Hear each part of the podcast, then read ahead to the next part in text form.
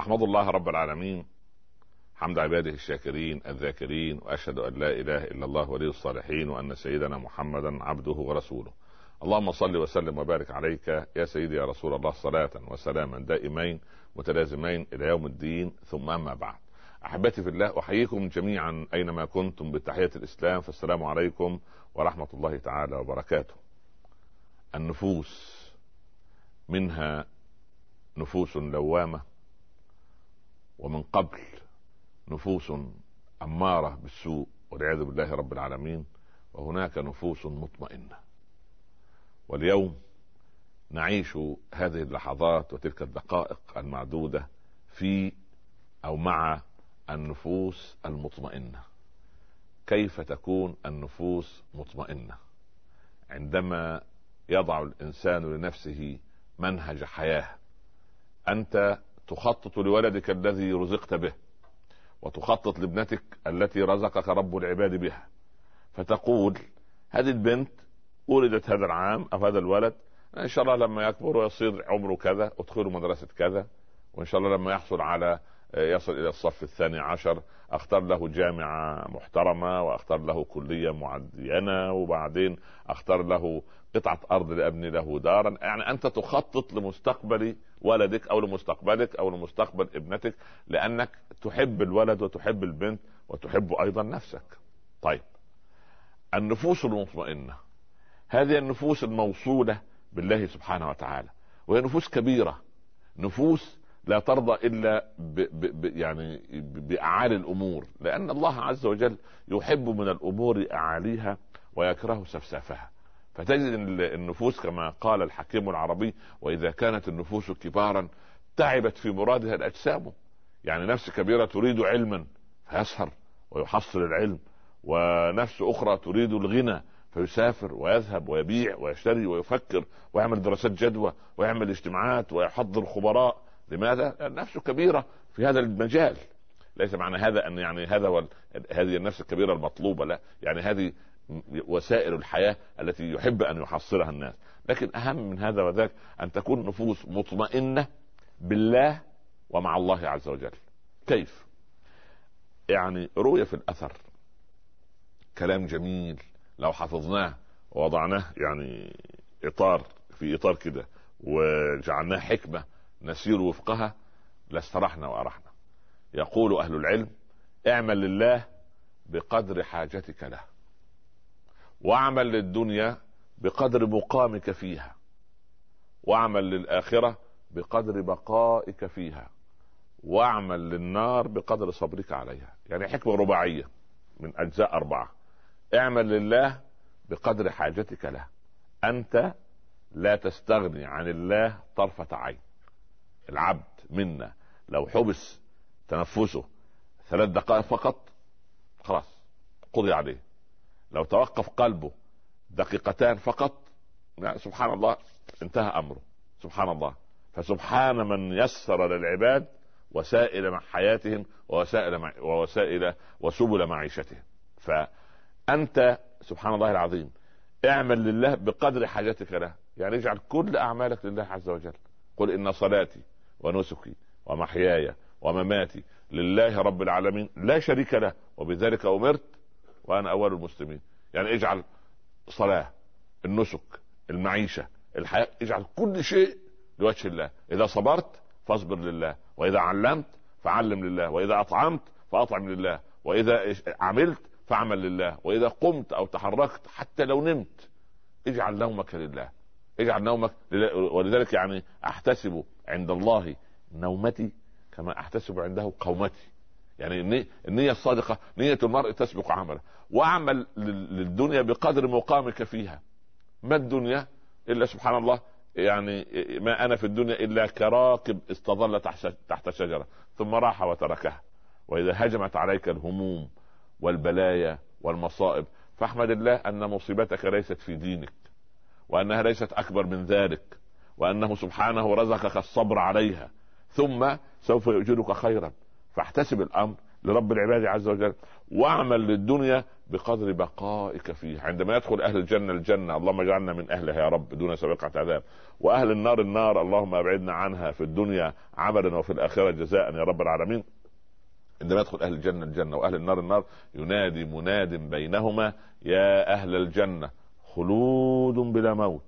يا أهل النار خلود بلا موت فيزداد أهل الجنة سعادة وعزا ورفعة وفضلا وسعادة وحبورا وكرما من الله ويزداد والعياذ بالله أهل النار والعياذ بالله رب العالمين. وأعمل للنار بقدر صبرك عليها. هل يستطيع الإنسان كان عمر بن الخطاب يقرب إصبعه من النار التي تطهو زوجته بها الطعام؟ ويقول يا ابن الخطاب ألك صبر على مثل هذا؟ ثم يقوم فيفزع إلى الصلاة رضي الله عنه. وكان النبي صلى الله عليه وسلم يقول أرحنا بها يا بلال. هناك قصة عجيبة أريد أن أرويها عليكم إن شاء الله رب العالمين ومنها نأخذ قضية كيف تكون نفوسنا مطمئنة أو كيف يصل الإنسان إلى النفس المطمئنة. رجل صالح يسمى شقيق البلخي من من قرية أو مدينة اسمها بلخ فنسب إليها. كان له تلميذ يسمى حاتم الأصم. حاتم هذا لا يعني لا أشرح قصتهما لكن أنا أريد هذه القصة العجيبة. ظل حاتم تلميذا لشقيق على مدى ثلاثين عاما. ثلاثين سنة متواصلة حاتم جالس في مجلس مجالس ومجلس شقيق البلخي في المسجد يعني على مدى ثلاثة عقود متتالية ثلاثون عاما. فقال له يا حاتم ما الذي استفدته مني؟ يعني يحصل ما الذي حصلته من علوم على مدى ثلاثين سنة؟ قال أفدت منك أو استفدت منك أمورا ثمانية فقط. فضرب شقيق كفيه كفا بكف يعني ثلاثون عاما تمر وما استفدت مني إلا ثمانية أمور فقط. سبحان الله الولد ابننا يدخل المدرسة سبحان الله ياخد عشرين مادة في السنة. قد لا يحصل منها شيء لكن يعني يعني قلة مواد أو قلة وكأن حاتم ما استفاد من الشقيق. لكن انظر إلى هذه الثمانية. ماذا قال؟ أول شيء قال حاتم يا سيدي ما سأله ما هي الثمانية التي يريد أن يعرف إيه الأمور الثمانية اللي أنت استفدتها منها. قال يا سيدي رأيت كل إنسان له محبوب يحبه. هذا يحب المال هذا يحب الأولاد هذا يحب المنصب هذا يحب الجاه هذا يحب سبحان الله المتاع الدنيا هذا يحب السيارات هذا يحب سبحان كل واحد له شيء يحبه هذا يحب الثياب هذا يحب الأراضي سبحان الله. أما أنا فقلت كل محبوب أكثر ما يصنعه معي أن يصل معي إلى حافه القبر عندما يأتي أهلي ليدفنوني. أنت عندك أمور ثلاثة. واحد يبقى في البيت لما تموت واحد يسير معك إلى حافه القبر والثالث يدخل معك القبر. اللي في البيت تتركه المال. في ميت شفته. هل رأيت ميتا؟ ياخذ دفتر شيكاتي معه أو الكريدت اللي ينفق به أو رقم حسابه. خلاص هو كفن. لا له جيب. بالعكس ما ما ما مهمة الكفن؟ ان نستر المتوفى عن أعين الناس فقط. حتى نوريه مثواه. ولا نقول مثواه الأخير. ليس القبر مثوى أخير لا. القبر ده حالة من حالات البرزخ الزماني والمكاني للفصل بين الدنيا والآخرة. المهم فالكفن هذا مجرد سبحان كما نزلت من بطن أمك عريانا سوف تخرج منها عريان. نزلت فقيرا تخرج فقيرا. خلاص انتهت القضية. طيب يبقى في واحد من الذين أحبهم في الدنيا يبقون في البيت المال. طيب في آخر يصل به لحافه القبر اللي هم الأهل. الأبناء والأعمام والأخوال والجيران والأصحاب وسبحان الله دول يقفوا عند حافة القبر. ونقف هكذا نلملم ثيابنا وإذا الحفار أو الذي يلحد بالفأس أو بالشيء اللي بي بي يفتح به القبر أثار علينا أتربة ننفض التراب وكأن يعني لا إله إلا الله. يا ابن التراب كلنا كلنا من تراب ومن التراب اليها نعود يعني, يعني سبحان الله العظيم منها خلقناكم وفيها نعيدكم ومنها نخرجكم تارة أخرى وهذه من سنة دفن المتوفى. عندما نلحد الميت ندفنه نمسك التراب بحفناتنا هكذا في أول مرة نقول منها خلقناكم ونضع على كفنه التراب بعد أن نفك الأربطة. وثم في المرة الثانية ومنها نع... وفيها نعيدكم يعني رجعنا يعني ومنها نخرجكم تارة أخرى يوم أن ينادي المنادي من مكان قريب. واستمع. يوم ينادي المنادي من مكان قريب يوم يسمعون الصيحة بالحق ذلك يوم الخروج. ما هي الصيحة؟ ينادي المنادي من قبل العلي الأعلى أيتها العظام النخرة أيتها اللحوم المتناثرة.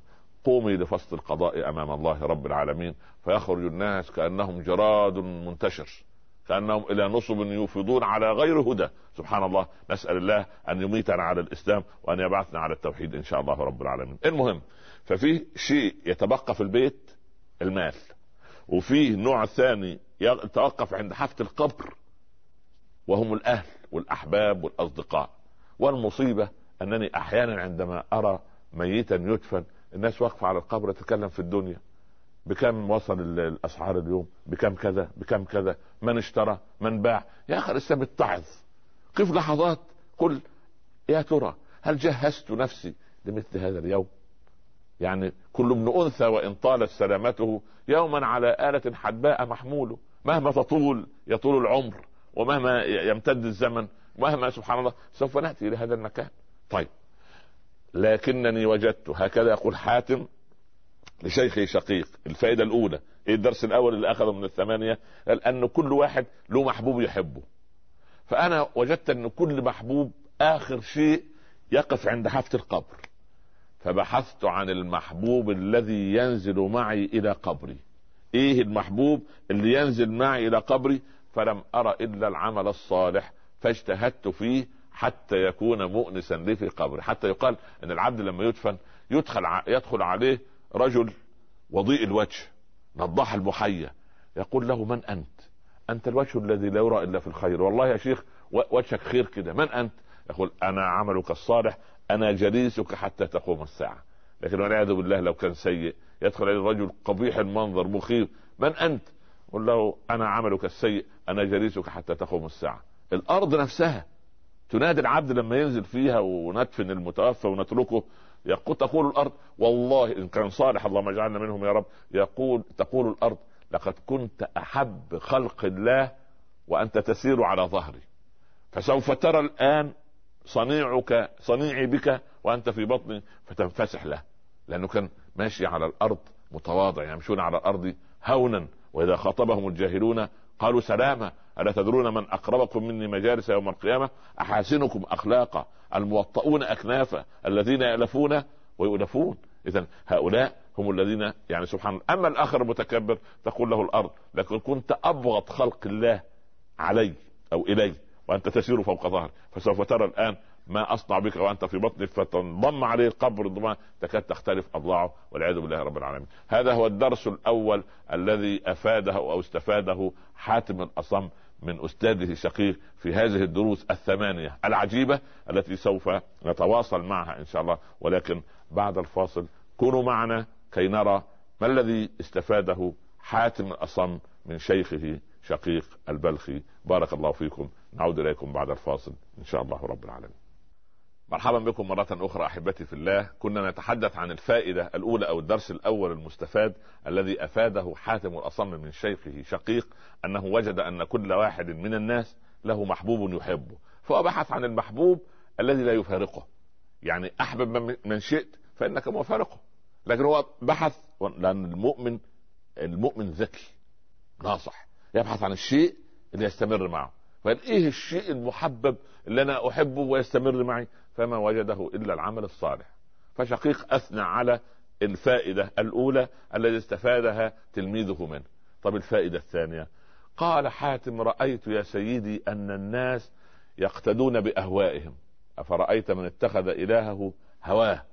وأضله الله على العلم كل واحد له هوى. حتى إبليس نفسه سلط علينا إيه؟ سلط علينا الهوى. قال قصمت ظهري أمة محمد صلى الله عليه وسلم. كيف؟ أمة محمد أثرت على على إبليس. قال كلما أذنبوا ذنبا استغفروا الله منه فغفر لهم.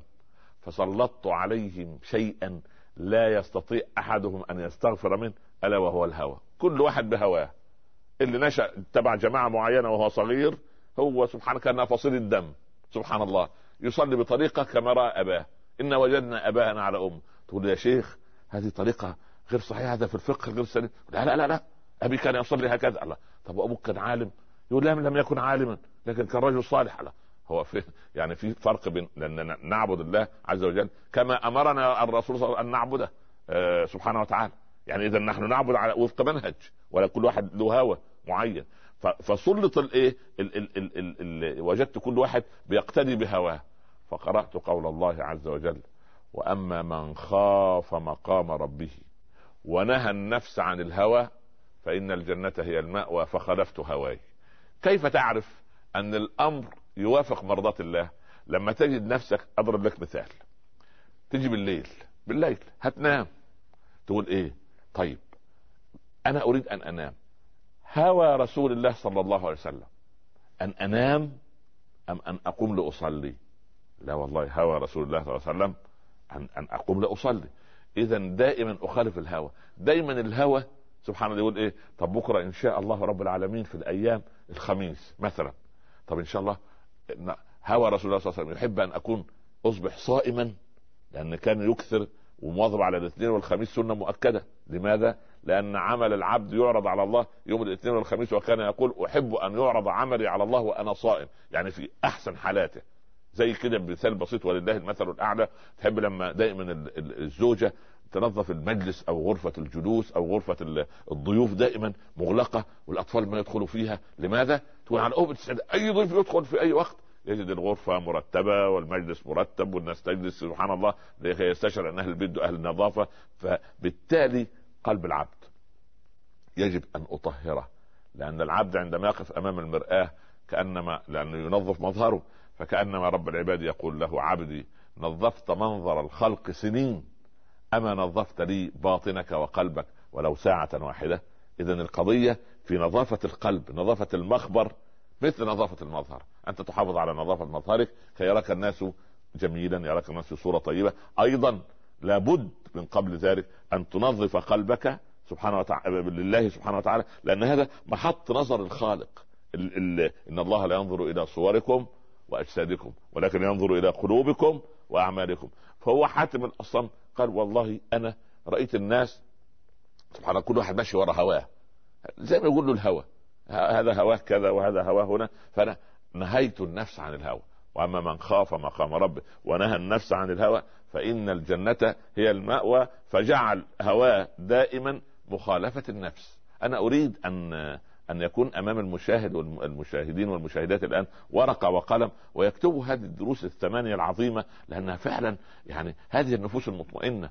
أنا لا أحصل على نفس مطمئنة إلا إذا صرت وفق المنهج وهذا المنهج يعني مأخوذ ومستنبط من كتاب ربنا وسنة نبينا صلى الله عليه وسلم ومن أقوال هؤلاء الصالحين.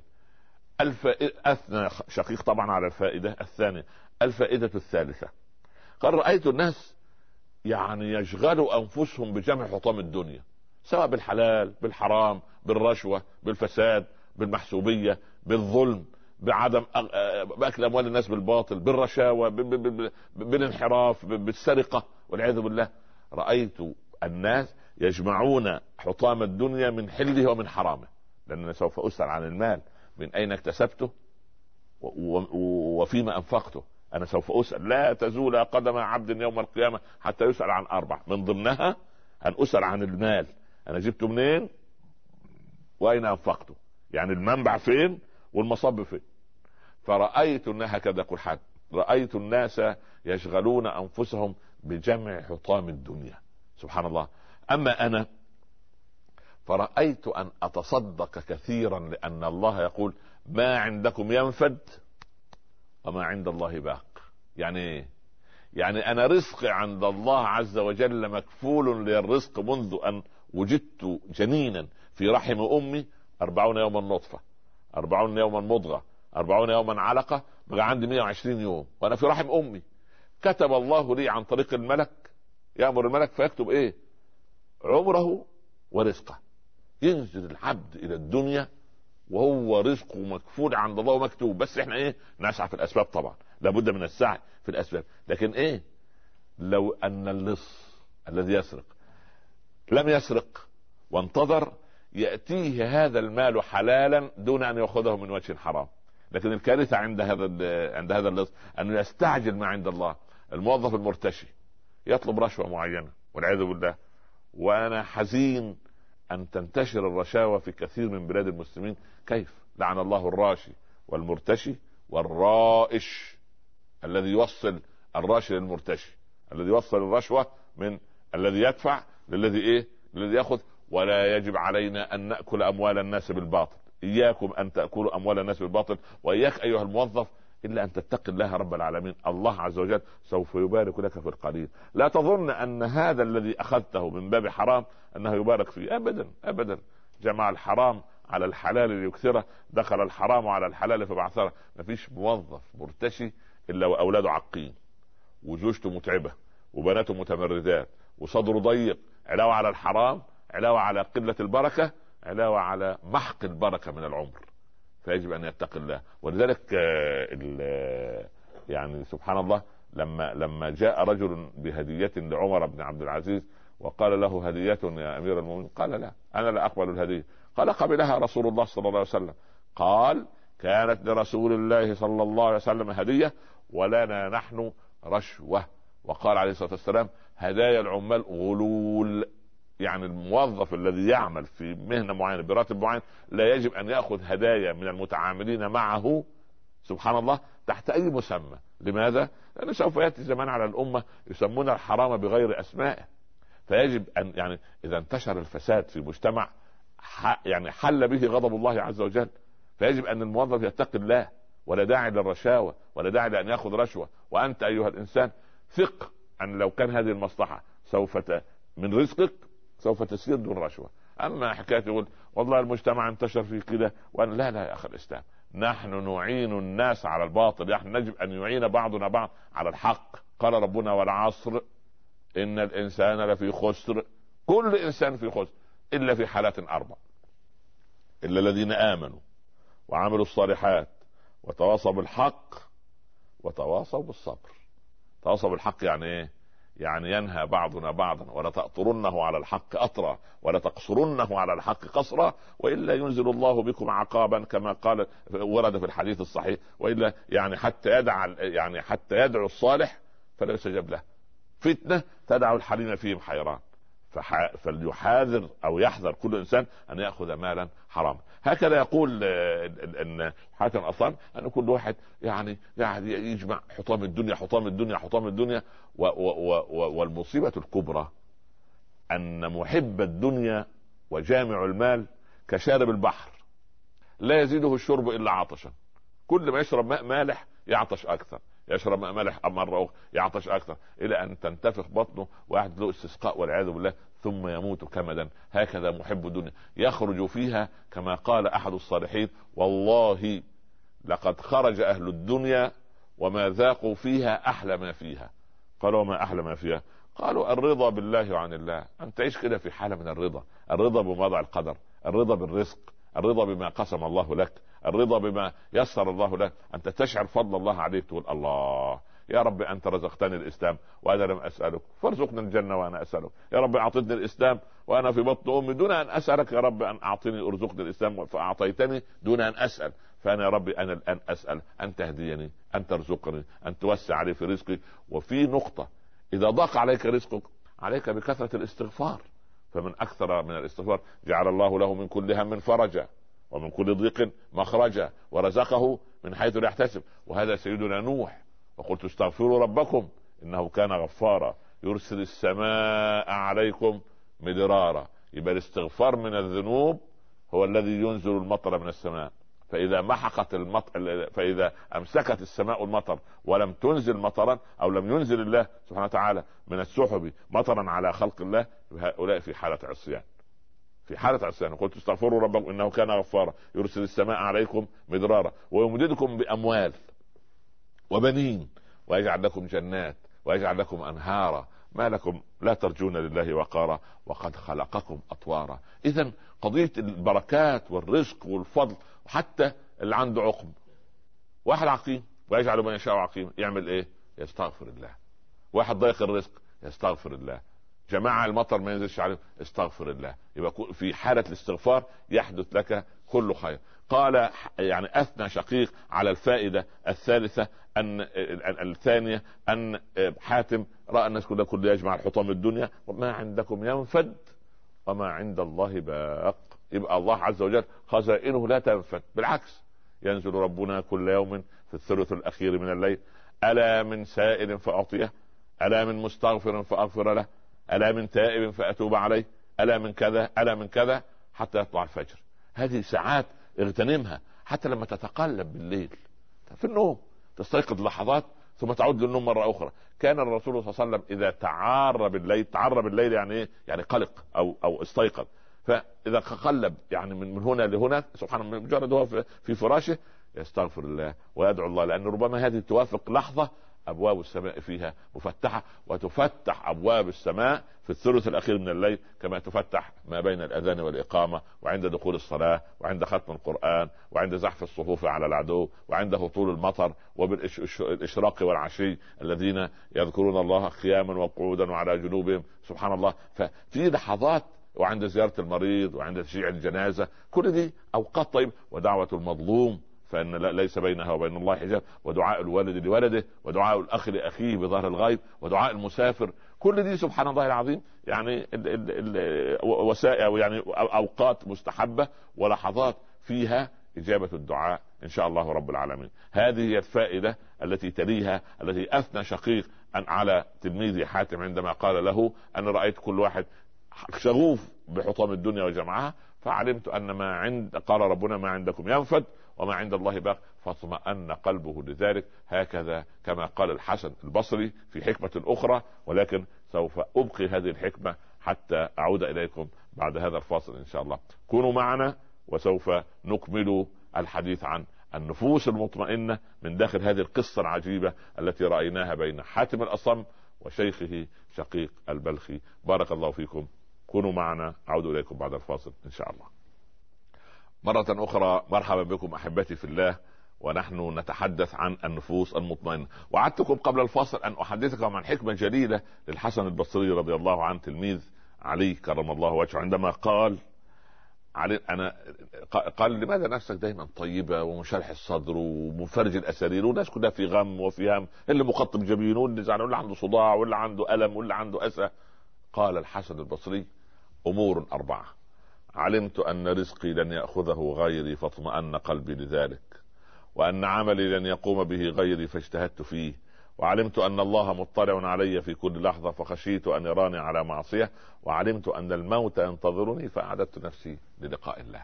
سبحان الله هذه حكمة جليلة. اكتبوا هذا الكلام لأن هذه حكم يعيشها الإنسان ويتعايش معها. هذه خبرة سلفنا الصالح رضي الله عنهم أو حياتهم في نفوسهم المطمئنة.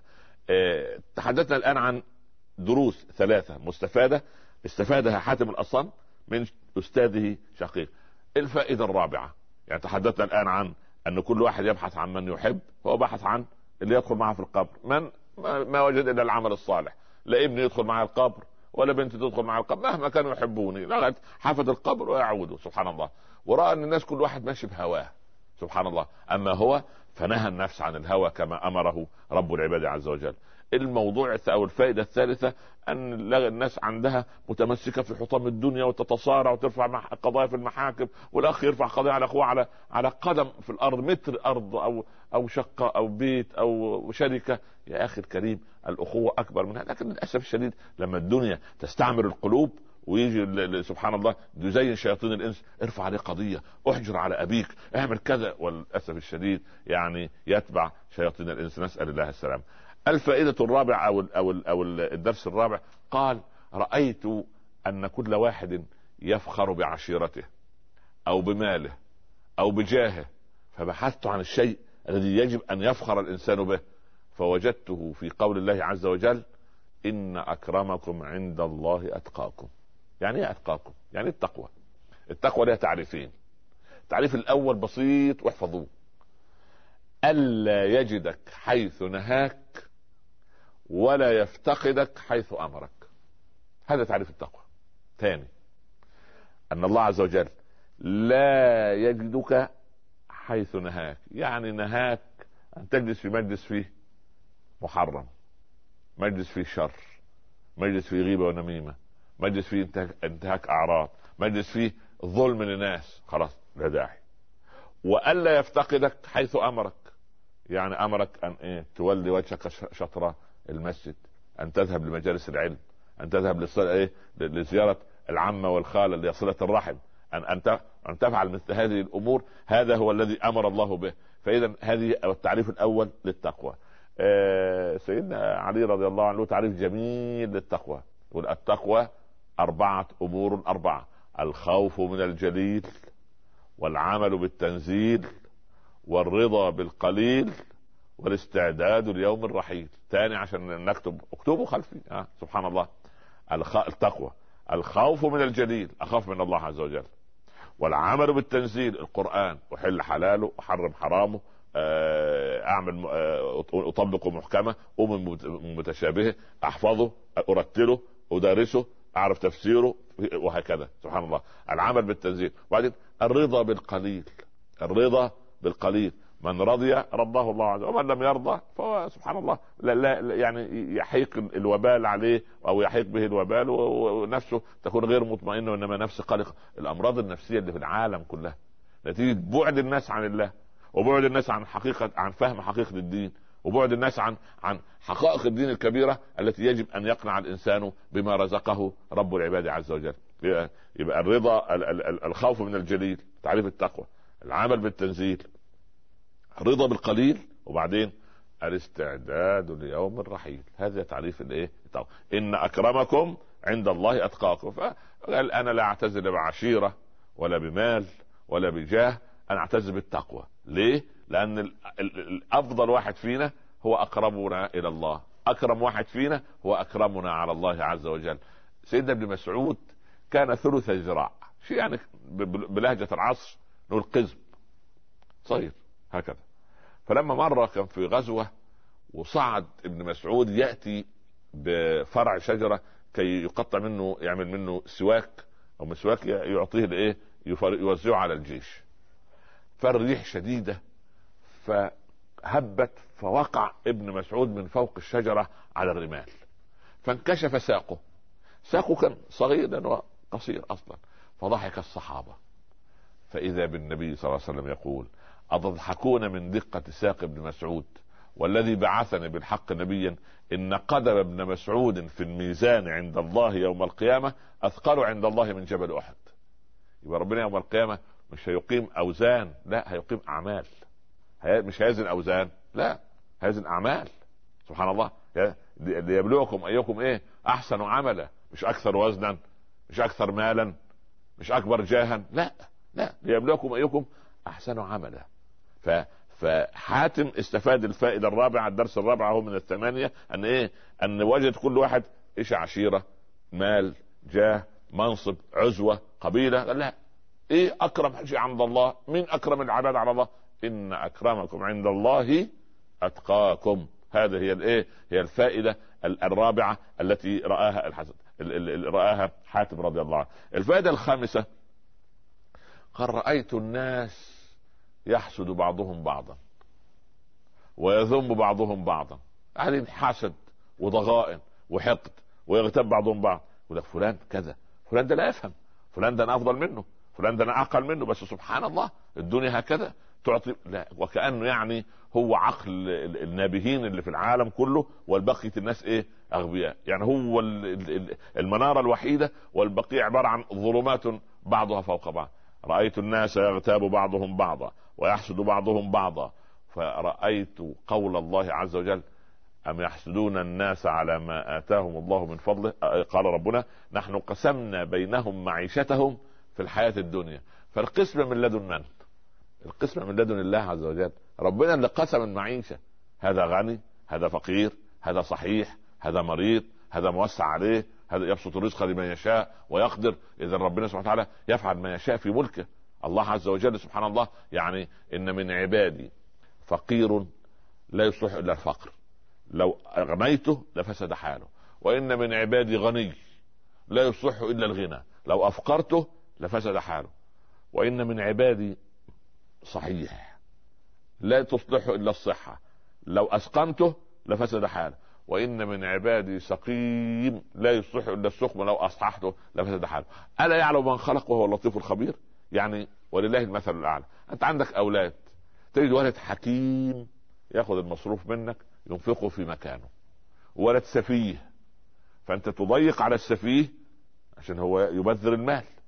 وتعطي الولد الحكيم لأنك تعلم أين فسبحان الله ولله المثل الأعلى. إذا كنت أنت تعرف أولادك ما الذي يصلحه وما الذي يفسده فما بالك برب العباد عز وجل؟ هو الذي يعلم هو العليم الخبير. يعلم خائنة الأعين وما تخفي الصدور. ف حاتم اصم رضي الله عنه يقول أن أن أنا بصيت على الناس لقيت الناس بتحسد بعضها وبيحقدوا على بعض ويذم بعضهم بعضا وعرفت أن القسمة في الأزل القسمة موجودة في الأزل. خلاص نحن قسمنا بينهم معيشتهم في الحياة الدنيا. خلاص يبقى الذي قسم هو الله هو الله رب العالمين. ولذلك حتى في الابتلاءات الله قسم على العباد الأخلاق كما قسم الأرزاق كما قسم الامتحانات. يعني إيه؟ يعني هذا مريض. هذا امتحان. وهذا صحيح. الصحة أيضا امتحان. الله عز وجل يبتلي بالشيء ونقيضه. يبتليك بالفقر ويبتلي آخر بالغنى. هذا ابتلاء وهذا ابتلاء. هل يا ترى أيها الغني سوف تشكر؟ وأنت أيها الفقير هل تصبر؟ أنت أيها الصحيح هل تؤدي زكاة صحتك؟ وأنت أيها السقيم هل تصبر على ما ابتلاك الله به سبحانه وتعالى؟ وأنت يا صاحب الجاه هل استخدمت جاهك في مساعدة الناس فتح بيوت الناس عمل الخير للناس؟ أم أن سبحان الله أنت يعني ما استخدمت هذا الجاه في خدمة خلق الله؟ بالعكس أنفع الناس إلى الله أو أفضل الناس عند الله أنفعهم لخلقه. لازم تقدم خير للناس تعمل خير للناس تقدم خير للناس. والله في عون العبد ما دام العبد في عون أخيه وأنت تكرم خليفة الله في الأرض. يبقى هذه الفائدة الخامسة. رأيت أن الناس يحسد بعضهم بعضا ويذم بعضهم بعضا. ورأيت أن الله سبحانه وتعالى يقول نحن قسمنا بينهم معيشتهم في الحياة الدنيا. إذا القسمة كانت في الأزل فلا تذم أحدا ولا تبغض أحدا ولا تحسد أحدا. لا أبدا تحسد الناس على ما أتاهم الله من فضله. فإن العطاء والقسم إنما هي من الله سبحانه وتعالى. فأثنى شقيق على الدرس الخامس من الدروس التي استفادها آه، تلميذه حاتم رضوان الله عليه.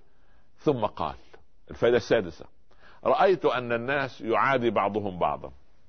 للأسف لو أنت زرت المحكمة أو زرت أبنائنا وكلاء النيابات في في شتى البلاد الإسلامية ورحت إلى ذهبت إلى مخافر وأقسام الشرطة تجد مشاكل عجيبة سبحان الله العظيم عند ال... عند عند في هذه الأماكن. قضايا قضايا آه، طلاق وقضايا خلع وقضايا سبحان الله نشوز وقضايا سبحان الله مالية وقضايا سرقة وقضايا اختلاسات وقضايا سبحان الله. وكأن العالم صار سبحان الله يعني حيوانات سائمة وأن المشاكل هي التي أصبحت هي القاعدة. والله يعني المشكلة أن واحد زي حاتم هذا أخذ المسائل كده باليقين من الكتاب والثبات قال رأيت الناس يعادي بعضهم بعضا ويحارب بعضهم بعضا. فنظرت في كتاب الله فما رأيت عدوا يجب أن يعادى إلا واحد فقط الشيطان. قال ربنا إن الشيطان لكم عدو فاتخذوه عدوا. الشيطان فقط هو العدو. هكذا قال ربنا ما قال لنا أحد شيء آخر عدو؟ لا. صحيح. إن من أزواجكم وأولادكم عدوا لكم فاحذروا عدوا في حالات حالات. لكن العدو الأساسي لنا الشيطان. إن الشيطان لكم عدو. فاتخذوه عدوا إنما يدعو حزبه ليكونوا من أصحاب السعير. فظللت حياتي أعادي الشيطان فقط ولا وقت عندي لمعاداة مخلوق آخر. ما عنديش وقت. أنا عندي وقت. أنا أعاد أشوف الشيطان يدخل لي في الصلاة يوسوس. وفي الوضوء يوسوس. وبعدين في الرياء يدخل يقول آه الناس تشوفك الناس لا تراك. طيب آه، آه، يحب أن يعطي صدقة عايز الناس تراه والناس تثني عليه. وسبحان الله في العمل لو أنجز عمل ووجد ما أحد شكره كيف يعني؟ أين أنا؟ الزوجة تكرم زوجها ولا يشكرها في كلمة واحدة سبحان الله. وهكذا. يعني يعني العدو الأساسي الذي يجب أن تأخذه أمامك أو نصب عينك أنه عدو إنما هو الشيطان. هذه الفائدة السادسة. يبقى الوقت إيه؟ إحنا الآن ستة إيه؟ أنا هجبلهم في الآخر بس أنا بشرحهم شرح خفيف كده لكي إيه؟ لا يسرقنا الوقت. الفائدة السابعة. طبعا أنا لو أكون أستاذ ولي تلميذ بهذا الشكل بالله عليكم أفرح أم أحزن؟ هذا تلميذ كبير حاتم الاصم هذا قصة. لك أنا يعني تعجبني هذه القصة ونحن درسها لنا علماؤنا ونحن صغار من من عقود طويلة ونحن أطفال ندرس وما يزال الإنسان صغيرا طويل العلم يحبو على مدارج العلم ويظل يظل الرجل يتعلم ويتعلم فإن ظن انه عالم فقد بدأ يجهل لكن تؤثر فينا قصة حاتم تظل تؤثر في أمثالي منذ الصغر أن هذه دروس ثمانية ثبتها على مدى 30 عام. لكن ما شاء الله تؤلف فيها كتب ومراجع وسبحان الله أسلوب حياة يعني يصير الإنسان منهج له. الدرس السابع رأيت الناس يقتل بعضهم بعضا من أجل الرزق. حارب وبعدين المناقصة يدفع رشوه عشان المناقصة ترسو عليه والعطاء الفلاني يبتدي سبحان الله يقابل فلان وعلان عشان ياخذ منه سبحان الله فلما نظرت في كتاب الله عز وجل رايت رأيت وما من دابة في الأرض إلا على الله رزقها ويعلم مستقرها ومستودعها كل في كتاب مبين. ما فيش دابة تدب على الأرض. إحنا ندب على الأرض. الحيوانات تدب على الأرض. الحشرات تدب على الأرض الهوام تدب على الأرض السمك في البحار يدب على الأرض الطيور تحلق ثم تدب على الأرض. كل هذه الدواب رزقها على الله. فلماذا تعادي أخاك؟ لماذا تظن أن فلان عندما لم ترس عليك المناقصة أنها هربت منك لفلان؟ يا أخي مش من رزقك ليست من رزقك. فاتق الله يا عبد الله اتقوا الله وأجملوا في الطلب. يعني الله عز وجل ما يعني يعني ما يرسل الله من رحمته فلا ممسك له وما يمسك فلا مرسل له من بعده مش ممكن يعني الله عز وجل إن أمسك رحمته فمن الذي من الذي يرسلها وإن أرسلها هل يستطيع أحد أن يمسكها إنما المقدر الوحيد في الكون والرزاق الوحيد في الكون إنما هو الله رب العالمين فأنت لماذا لماذا يعني نتقاتل على الرزق يا أخي اسعى واترك الأسباب. اعمل دراساتك واعمل أبحاثك واعمل مشروعاتك ولكن ثق أن ما كان من رزقك سوف يأتيك لأن في قضية. رزقي لا يذهب إليك ورزقك لا يأتي الي إيه بس ربنا بيعمل الناس إيه؟ يعني يتدافع الناس يعني مع بعض سبحان الله. ولولا دفع الله الناس بعضهم ببعض. سنة التدافع في الكون. لكن الرزق لن يأخذه سبحان الله. علمت أن رزقي لن يأخذه غيري فاطمأن قلبي لذلك. فلماذا تتقاتل على على الناس؟ لا ابدا ابدا. تتقاتل على الرزق. ثق أن الرزق عند الله. ثق أن الرزق عند الله. هذه الفائدة السابعة. أما الدرس الأخير الثامن من هذه القصة العجيبة أنه يقول رأيت أن كل واحد يعتمد على مخلوق مثله. واحد يعتمد على عمه على خاله أنا خالي المسؤول الفلاني. أنا عمي الملياردير فلان. أنا ابن أختي اللي مش عارف المسؤول الفلاني. أنا كذا أنا كذا. فرأيت في كتاب الله عز وجل أن الله يقول ومن يتوكل على الله فهو حسبه. إن الله بالغ أمره. قد جعل الله لكل شيء قدرا. فعلمت أنني أتوكل على الله. ولا لأن الله يقول لحبيبي صلى الله عليه وسلم وتوكل على الحي الذي لا يموت. لماذا؟ أنا ممكن أتوكل على محامي نحرير ذكي ولكن اتي ساعه الأزمة أو ساعه القضية. مريض نقلوه للانعاش سافر مات. سبحان الله. أعتمد على خال أو عم أو ابن أخت أو قريب أو صديق ذو حيثية. ربما عند الأزمة أقلوه من منصبه. مريض غير موجود. لم يستطع أن يص... لكن أنا لو جعلت توكلي على من يقول للشيء كن فيكون. فبالله عليك انظر كيف تكون النتيجة. أنا أتوكل على من إذا قال فعل وإنما الأمر عنده بين الكاف والنون كن فيكون. تحل المشكلة عن من الله سبحانه من عند الله عز وجل بلفظ كن. يعني لا تحتاج إلى لجنة ولا إلى دراسة ولا إلى وقت ابدا. المسافة بين السماء والأرض دعوات مستجابة. فهو لما رأى أن كل واحد بيعتمد على مخلوق وبيعتمد على شيء من حطام الدنيا قال لا القرآن يقول ومن يتوكل على الله فهو حسبه. هذه الفائدة الثامنة. فقال شقيق يا بني بارك الله فيك. اذهب وعلم الناس ما عندك من علم لأنه وجد أنه حوى في جنباته مساحة كبيرة من العلم مساحة ضخمة سبحان الله العظيم من العلم. هذه هي الفوائد الثمانية التي رأيناها. فمن يعني مكث حاتم الأصم بين يدي شقيق البلخي نعيدها سريعة قبل أن ندعو في نهاية هذه الحلقة إن شاء الله رب العالمين أن الله سبحانه وتعالى أن يسر لهؤلاء أصحاب النفوس المطمئنة مثل هذا الفهم من كتاب الله عز وجل. رأى أن الناس يبحثون عن يحب هذا وذاك هو أحب العمل الصالح حتى يدخل معه إلى قبره وأنه خالف هواه في عمل الخير وعمل الصالحات وعلم أن ما عند ما عندكم ينفد وما عند الله باق فاطمأن لموعود الله ثم توكل على رب العباد عز وجل. نحن قسمنا بينهم معيشتهم في الحياة الدنيا فالقسم علم أنها في الأزل. وعلم أن عدو واحد هو الشيطان ولا يعادي أحدا غيره. وراى الناس بتقتتل من أجل الرزق فراى أن كل دابة على هذه الأرض على الله رزقها وليست على أحد. وعلم أن كل واحد يعتمد على مخلوق أما هو توكل على رب العباد سبحانه وتعالى. هذه مجموع وما عندكم ينفد وما عند الله باق. وجد أن هذا هو مجموع ما استفاده حاتم على مدى هذه الثلاثين سنة. أظن يعني حكاية عجيبة وأرجو أن تكون فوائد كبيرة فيها إن شاء الله رب العالمين. في نهاية هذه الحلقة نتوجه إلى الله سبحانه وتعالى بالدعاء عسى أن تكون ساعة الإجابة. اللهم صل وسلم وبارك عليك يا سيدي يا رسول الله. اللهم اجعل جمعنا جمعا مرحوما وتفرقنا من بعده تفرقا معصوما. لا تجعل بيننا شقيا ولا محروما. اللهم اشرح صدورنا ونق قلوبنا. وارزقنا اليقين في قلوبنا. ثبت أقدامنا على الصراط يوم تزل الأقدام. هيئ لبناتنا أزواجا صالحين ولأبنائنا زوجات صالحات. أكرمنا ولا تهنا أعطنا ولا تحرمنا زدنا ولا تنقصنا. اجعل خير أعمالنا خواتمها وخير أيامنا يوم أن نلقاك. واجعل نفوسنا مطمئنة يا رب العالمين. بك وعاملة بكتابك وسنة حبيبك صلى الله عليه وسلم وصلى الله على سيدنا محمد وعلى آله وصحبه وسلم يا رب تسليما كثيرا. سعدنا بكم أحبتي في الله في هذا اللقاء وأرجو أن يكون الكلام خرج من القلب وصل إلى القلوب بإذن الله رب العالمين. نستدعكم الله الذي لا تضيع ودائعه والسلام عليكم ورحمة الله تعالى وبركاته.